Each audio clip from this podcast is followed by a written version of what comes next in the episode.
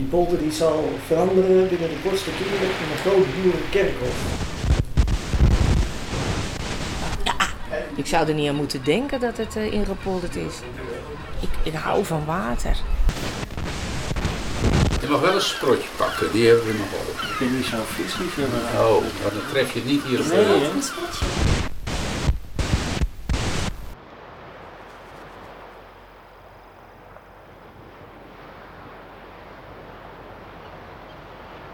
In de eerste helft van de 20e eeuw maakt de afsluitdijk een einde aan de Zuiderzee. Het IJsselmeer wordt vervolgens grotendeels ingepolderd. Na jaren pompen en greppelsgraven verschijnt er een nieuw land. Hoewel de eerste bewoners er in de beginjaren tot aan de knieën in de modder staan, is een toekomst in de Noordoostpolder een droom voor velen.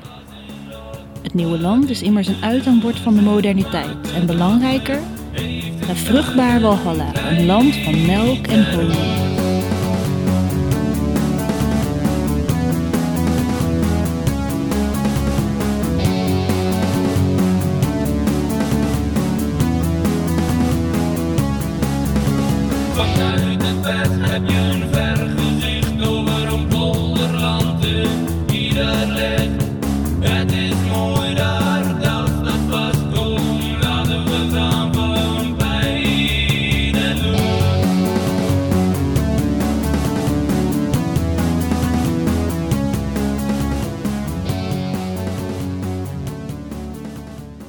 Drooglegging van de Zuiderzee, die verandert vele levens. Van degenen die er een boerderij toegewezen krijgen, van de ambachtslieden die een heil zoeken op het nieuwe land, tot de vissers van Urk, die met de overgang van zoet naar zoutwater hun broodwinning in gevaar zien komen. Wij zijn Linda van der Pol en Bas Visser. We zijn twintigers en groeiden beiden op in de Noordoostpolder. Ook in onze families zingen verhalen rond. We zijn de derde generatie poldervolk. Wij beiden hebben opa's en oma's die werkten in de jonge Noordoostelijke polder. De eerste IJsselmeerpolder. Neemt niet weg dat het contrast tussen ons beiden niet groter kan zijn. Bas komt van het voormalige eiland Urk uit een protestants nest als lid van een vissersfamilie. Ik, Linda, werd geboren in het polderdorp Luttelgeest. Telg van een groot katholiek boerengeslacht. In deze podcast, Land van Melk en Honing, vertellen Bas en ik samen het verhaal van de Zuiderzeepolders.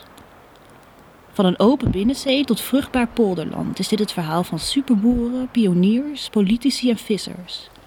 Van historie naar het heden. Ons verhaal begint in 1916. Terwijl Europa in brand staat, wordt Nederland bedreigd door een oude vijand, het water. Allereerst reizen we af naar het eiland Marken, een voormalig rampgebied. We hadden net iemand Nou, die kwam uit Canada en die heeft dus in de klas gezeten bij Klaas Visser. Oh. En dat denk ik dat Klaas je broer Klaas is. dat kan. Dus Oh, wat grappig. Heb je een adresje? eh? Ieder dorp, iedere stad heeft zijn eigen enthousiaste vertegenwoordiger. Hier op Marken is dat de trotse gids Treintje Visser, die als kind opgroeide in de vuurtoren van het Schiereiland. Treintje kent hier alle buurtschappen, steegjes en weilanden op haar duimpje. Ze kent de bewoners, leidt ons vol trots rond en vertelt uitbundig over de plaatselijke cultuur. In de grote kerk vertelt ze ons bijvoorbeeld over de Marken klederdracht, waar ze zichzelf tijdens bijzondere gelegenheden graag inhult. En niet onverdienstelijk, een paar jaar terug werd zij erom nog tot Miss Zuiderzee gekroond. Eh, beschrijven eh, hoe dat eruit ziet. Het is, eh, als ik mezelf aankleed, ben ik zo'n beetje 20 minuten bezig. Maar je hebt een onderrok, je hebt een schort, je hebt een schortje ervoor, kerkblauw. Je hebt de mouwen, je hebt een middeltje, je hebt een, een soort hesje-idee. Eh, voorpanden noemen wij dat. En je hebt een bouw voor. Die dekt dat zeg maar af als voorstuk. En je hebt nog een eh, leuk mutsje op. Eh, sinds de komst van de dijk is dat toch wel langzamerhand verdwenen. En dat je ook eh, op school bijvoorbeeld zag dat er in bepaalde klassen nog slechts een paar in klederdracht eh, liepen. Tot een bepaalde leeftijd. Maar ook mensen die buiten marken werkten, die gingen altijd in klederdracht naar hun werk toe. Maar waar soms ook wel gevraagd werd om dat niet meer te doen, omdat het mogelijk ook niet praktisch was. Dus dat het niet per se noodzakelijk was, want men kon ook andere kleding kopen en dragen. En dat gebeurde dus ook.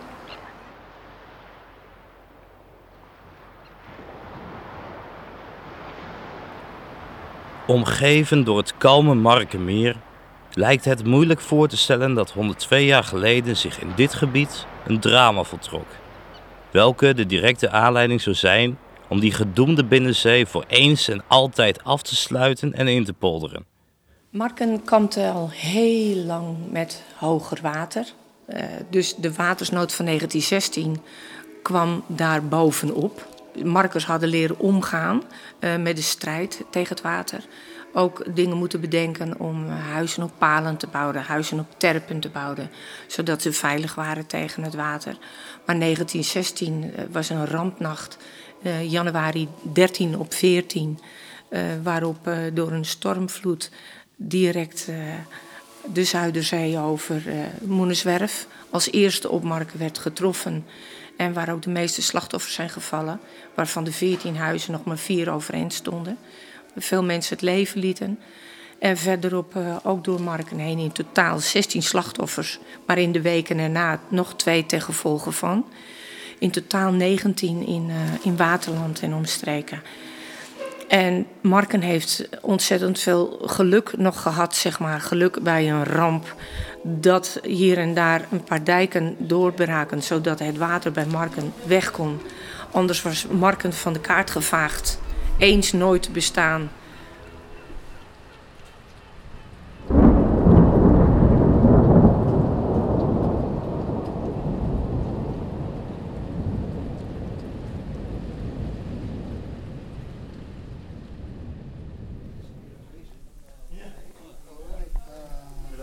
Ja.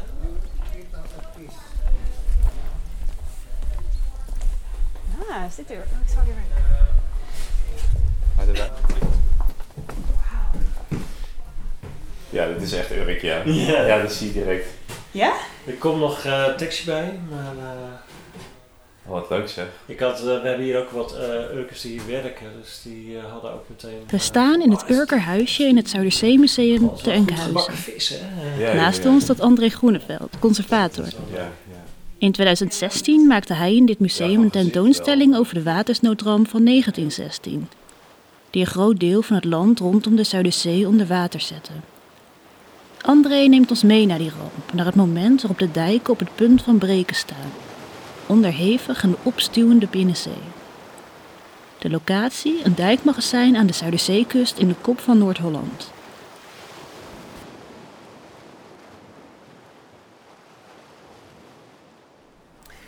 Dit is het eh, dijkmagazijn van Andijk, nummer 3. Er waren er vier eh, in Andijk. Van het waterschap Drechterland. Eh dat stond ongeveer op dezelfde manier aan de dijk.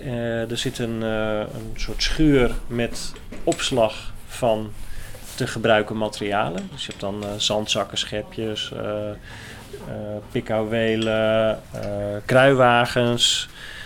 Nou, dat soort dingen allemaal.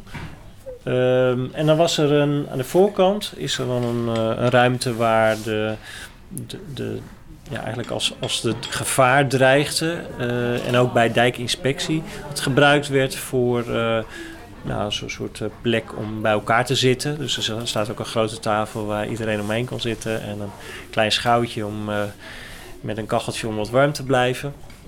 Dat was de plek wat ook gebruikt werd om, als er echt gevaar dreigde, dan om te waken. En als er dan wat moest gebeuren, dan kon je ook meteen eh, aan de slag. Dus hij had alle gereedschappen eh voorhanden. Er waren ook, als het s'nachts was, kon je, waren lantaarntjes eh voorhanden waar je dan met elkaar de, de, de dijk op kon. En dan werd er ook daadwerkelijk actie ondernomen. Als je kijkt naar de 13 of 14 januari eh, 1916, dat was, begon midden in de nacht. Maar op dat punt, want je hebt dan eh, eigenlijk de, het, het tij van wa- wat eh, En je moet het zien als een soort badkuip in die Zuiderzee. En dus begon in het zuiden bij, eh, bij Marken, aan die kant. En dan loopt het dan langzaam omhoog. Dus het begint ook, de, de, de schade begint ook daar, in, in dat stuk. En dan langzaam trekt het dan omhoog. En als je kijkt naar de dijkdoorbraken, dan begint het ook zeg maar rond Marken naar boven toe, naar het noorden toe. Maar Andijk ligt boven Enkhuizen, dus de, dat, dat vergt Andijk even wat kwam in tijd. 1916 gelukkig grotendeels met de schrik vrij. Maar zuidelijker gelegen plaatsen, met name in Waterland en het gebied boven Amersfoort, kwamen er beduidend minder goed van af. In Spakenburg eh, was het eh, zo dat die schuiten die in de haven lagen echt op de kade zijn ge- ge- gekwakt bijna. En dus eh, ook verwoesting hebben aangericht aan gebouwen. Dus er zijn dan, eh, eh, er waren wat houten schuurtjes aan de, aan de haven die gewoon compleet verwoest zijn. Waar dan zo'n schip gewoon opge, ja, door de kracht van het water gewoon opgezet is. Eh, dus eigenlijk was de materiële schade in Spakenburg het grootst. En op Marken was er dan nog persoonlijk leed met 16 eh, omgekomen eh, bewoners. Dus daar is het vooral persoonlijk leed, ook wel veel schade, maar vooral persoonlijk leed. En Spakenburg is dan meer materieel. En daarnaast is dan nog de foto van de evacuatie in Zandam.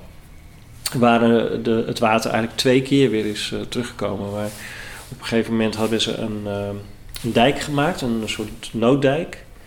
Met, met eh, bekistings, bekistingsdam. Dus je hebt eh, een soort eh, twee latten, twee, twee balken aan de zijkant. Een beetje opgestapeld. En daar zand tussen, zodat je een klein dijkje hebt. Alleen het heeft het niet helemaal gehouden. Dus toen is het water alsnog nog een keer teruggekomen. De watersnoodramp van Dus dit is- 1916 dit is van zet de de afsluiting van de Zuiderzee in gang. De plannen liggen dan echter al decennia op tafel.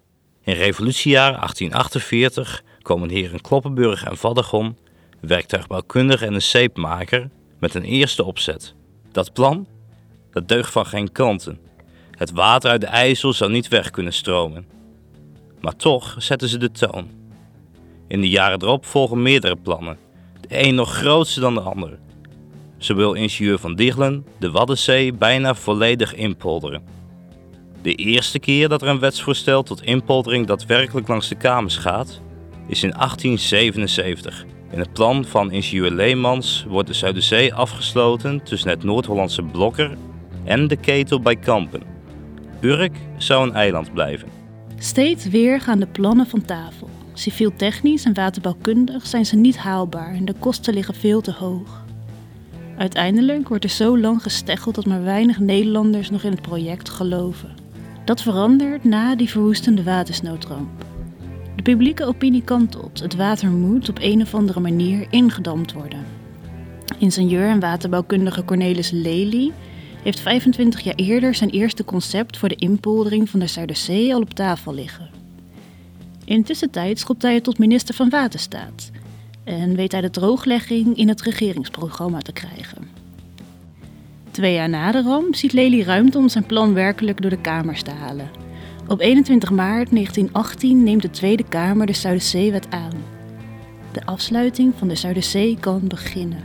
De afsluiting en inpoldering van de Zuiderzee zou veiliger zijn voor het kustgebied.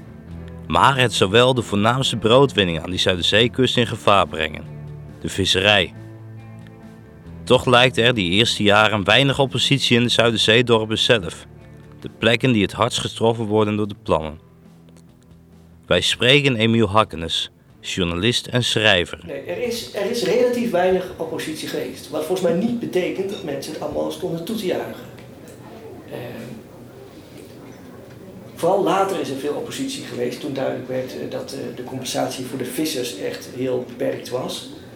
Maar in het begin, denk, het is niet vergeten, ehm, tussen, er werd al heel vaak gesproken over de mogelijkheid van het inpolderen van de Zuiderzee. En heel vaak, ach, dan verdween dat weer van de politieke agenda, omdat eh, de minister het niet belangrijk vond of het kabinet was weer gevallen. Dus eigenlijk mensen die hadden al decennia lang plannen gehoord om misschien de Zuiderzee te gaan droogmaken. Dus die dachten heel lang, ah, zal mijn tijd wel duren of ik moet eerst nog zien. En pas naarmate het echt gebeurde, realiseerden ze zich wat het te betekenen had. En ook heel lang. ehm, kijk, nu leest iedereen de krant en eh, we volgen voortdurend het nieuws. Maar al honderd jaar geleden eh, was de, de, de, de toegang tot nieuws van mensen veel en veel beperkter dan nu. Dus er waren ook genoeg mensen aan wie het gewoon voorbij ging, die er geen weet van hadden. Dus ik denk dat het gebrek aan oppositie voortkomt uit er niks van afweten en denken dat het zo vaak niet zal lopen. Maar op het moment, op het moment dat je ziet ja, dat de grote schepen eh, eh, bij je voor de haven komen liggen en die gewoon een dijk gaan bouwen, ja, dan wordt het wel andere koek. Dan wordt het echt. Ja, dat laat weinig tot de verbeelding over. Ja. En denk je dat die strijd te- tegen de elite, dat dat er ook iets mee te maken heeft? Want dat kun je beginnen als Ja, ja, een soort volgzaamheid. Eh, ik denk, ja, de, de hoge heren die zullen het goede wel met ons voor hebben. En wat ook meespeelt is dat, dat is natuurlijk ook een heel, heel veel van die vissersplaatsen zijn heel orthodox. En eh, heel gezagsgetrouw aan de regering. Dus die komen ook niet zo heel erg snel in opstand. Toch stond er iemand op tegen de afsluiting en inpoldering. Eibert den Hedder. Emiel Hakkenes schreef recentelijk Polderkoorts. Een biografie van deze eigenzinnige en strijdlustige Harderwijker. Die hard tegen de plannen in verweer kwam. Harderwijk, waar de visvangst ten tijde van de besluitvorming rondom de toekomst van de Zuiderzee nog een belangrijk onderdeel van de economie was. Eibert den Herder was eh, een ondernemer en een politicus uit Harderwijk. Hij had daar een grote vismeelfabriek. Dus vissers die op de Zuiderzee vis vingen, die leverden dat af bij de fabriek van den Herder. Die, daar vervolgens, die dat verwerkte tot eh, veevoer. Dat verkocht hij aan boeren. En daarnaast eh, was hij eh, een van de oprichters van een eh, veerdienst, een boot tussen Harderwijk en Amsterdam. En hij zat in politiek voor verschillende partijen. Maar hij heeft al al een 20, 25 jaar in de gemeentepolitiek van Harderwijk gezeten. En dat alles maakte hem een heel bekend figuur daar in het stadje. En eigenlijk iedereen kende hem wel. En, Kun je hem typeren als mens? Ehm, ja, eh, nou ja, kijk, hij is natuurlijk al meer dan 50 jaar dood. Dus eh, eh, het is lastig eh, om hem echt eh, te omschrijven. Maar de indruk die je van hem krijgt, is dat een. ehm, eh, veel, veel dingen aan hem zijn dubbel. Ah, soms dan maakt hij een heel naïeve indruk, maar tegelijkertijd is hij ook echt een gewiekste zakenman. Ehm, hij heeft grootse plannen waar vaak niet zoveel van terecht komt. Het is een driftige man, maar die tegelijkertijd wel goed bedoelt. En het is eigenlijk een kleurrijke, een kleurrijke man, een beetje kinderlijk misschien, maar ook niet dom. En eh, die toch ook wel dingen goed zag soms. Hè? Dat, die, dat die afsluiting van de Zuiderzee, als je nou een, een, eh, eh, een dam legt door die Zuiderzee, ja, dan wordt het ene deel van het water, dat blijft zoet, en het andere deel blijft zout. En dat heeft gevolgen voor de trekvissen. Ja, dat had hij gewoon goed gezien. Of eh, als je vissers hun, hun, hun werk eh, afpakt, ja, dat daar een vorm van compensatie voor moet komen. Dat heeft hij allemaal wel goed gezien. Maar tegelijkertijd vond hij heel weinig gehoor. Dus het is steeds heel dubbel. Hij bedoelt het goed en hij ziet dingen soms ook goed en dan lukt het toch, lukt het weer niet. En dat komt misschien ook wel door, ehm, door zijn manier van handelen. Dat hij geen maat wist te houden. Kijk, eh, ik, ik werk bij de krant en dan heb je mensen die ingezonde brieven schrijven. Hè? En als iemand nou elke dag een ingezonde brief stuurt, dan komt er een moment dat je die brief niet eens meer openmaakt. Ja, en dan weet je dus niet of die, de inhoud van die brief eigenlijk een beetje hout snijdt. En zo was het met Eibert ook, daar was hij het echt niet mee eens. En dan stuurde hij brief na brief na brief naar de regering. Of eh, schreef hij stuk na stuk na stuk in de krant. Ik ja, op een bepaald moment worden de mensen ook een beetje moe van je. En is het misschien slimmer om eventjes gas terug te nemen. Of om wat tactischer te werk te gaan, omdat je dan je, zaak, je eigen zaak beter doet. Hij zat zich, ik denk dat hij zichzelf erg in de weg gezeten heeft met zijn met zijn wat hoekige manier van optreden. Eibert den Herder deed veel meer dan boze brieven schrijven alleen. Hij was een ware activist. Zo schreef den Herder talloze boeken die als warme broodjes over de toonbank gingen, waarin hij wees op de gevaren van het leven in een polder.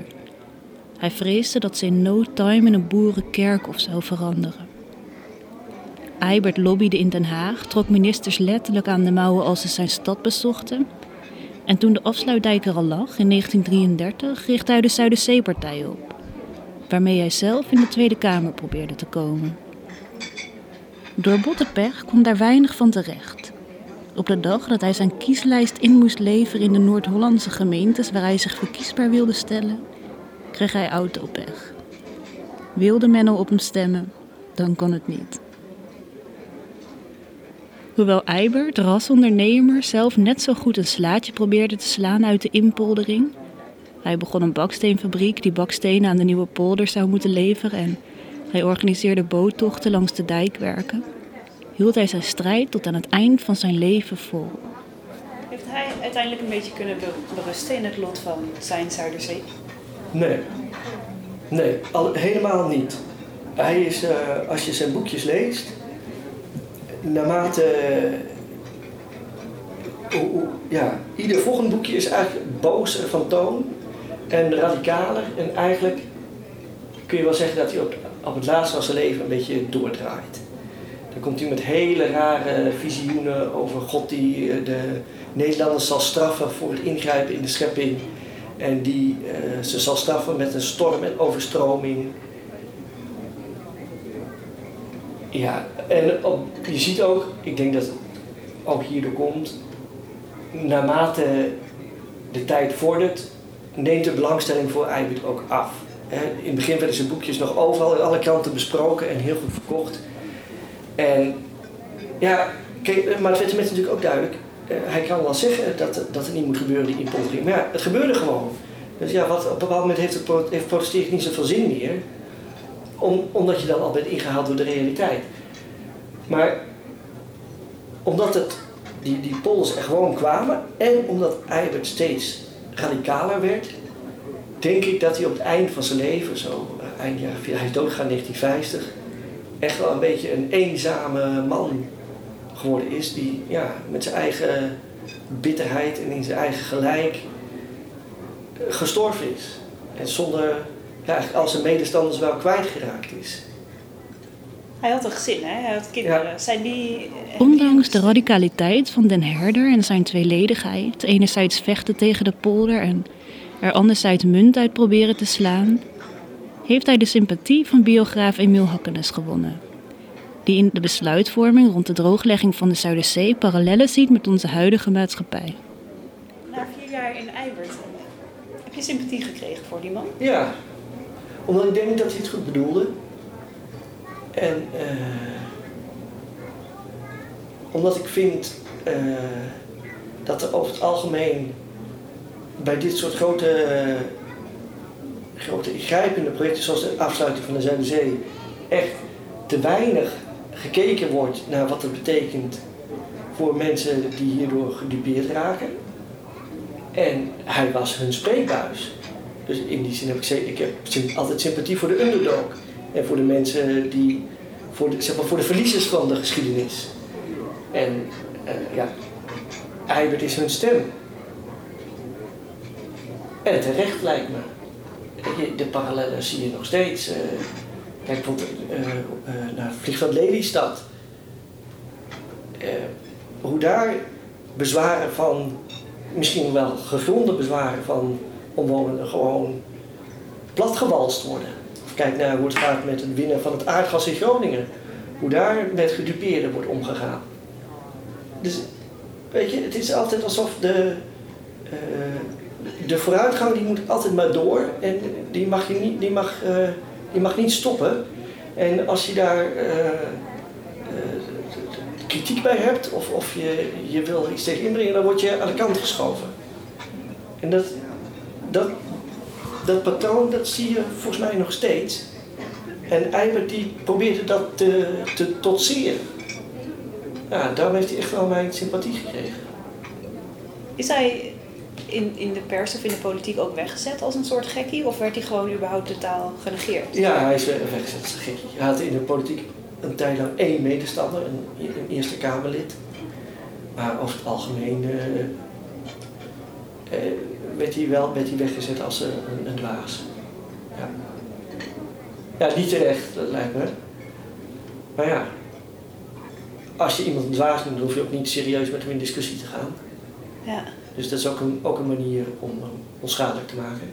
Terwijl Eibert in 1950 sterft, eenzaam en in zijn eigen gelijk, wordt de pas omdijkte noordoostelijke polder in cultuur gebracht. polder in het IJsselmeer, die 48.000 hectaren groot zal zijn, wordt omsloten door een dijk die van Lemmer naar Urk en ten zuiden van Schokland naar het vasteland loopt.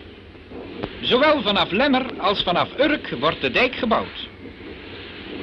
Geweldige molens baggeren grote hoeveelheden keileem op, waaruit de kern van de dijk zal bestaan.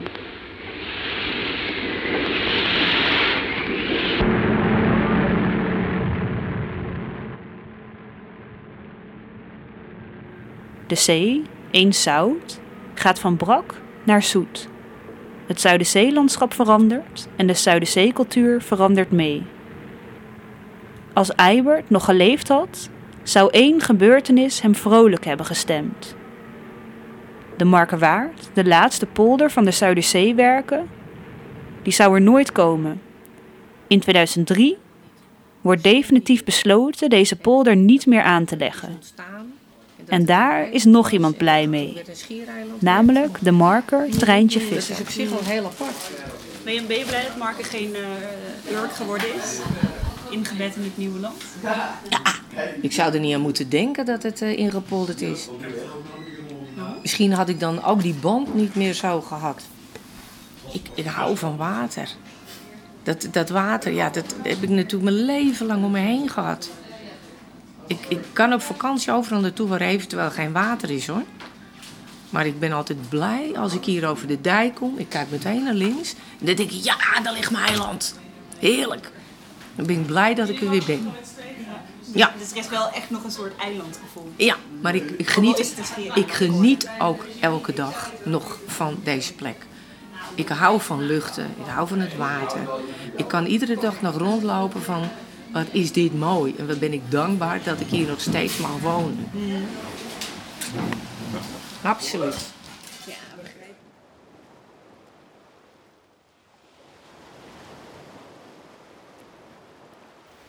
Hoe is het om niet verder te kunnen als eiland? Als je stem niet wordt gehoord en je karakteristieke cultuur op toch komt te staan?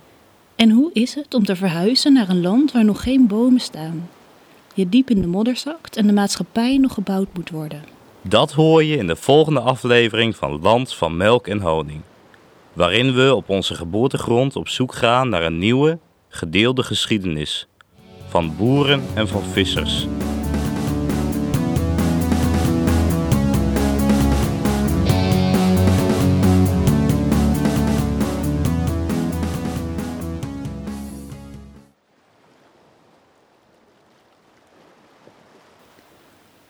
Deze podcast kwam mede tot stand dankzij een ondersteuning van de gemeente Urk en Noordoostpolder ter viering van 100 jaar Zuiderzeewet. Bezoek website melkenhoningpodcast.nl voor meer informatie.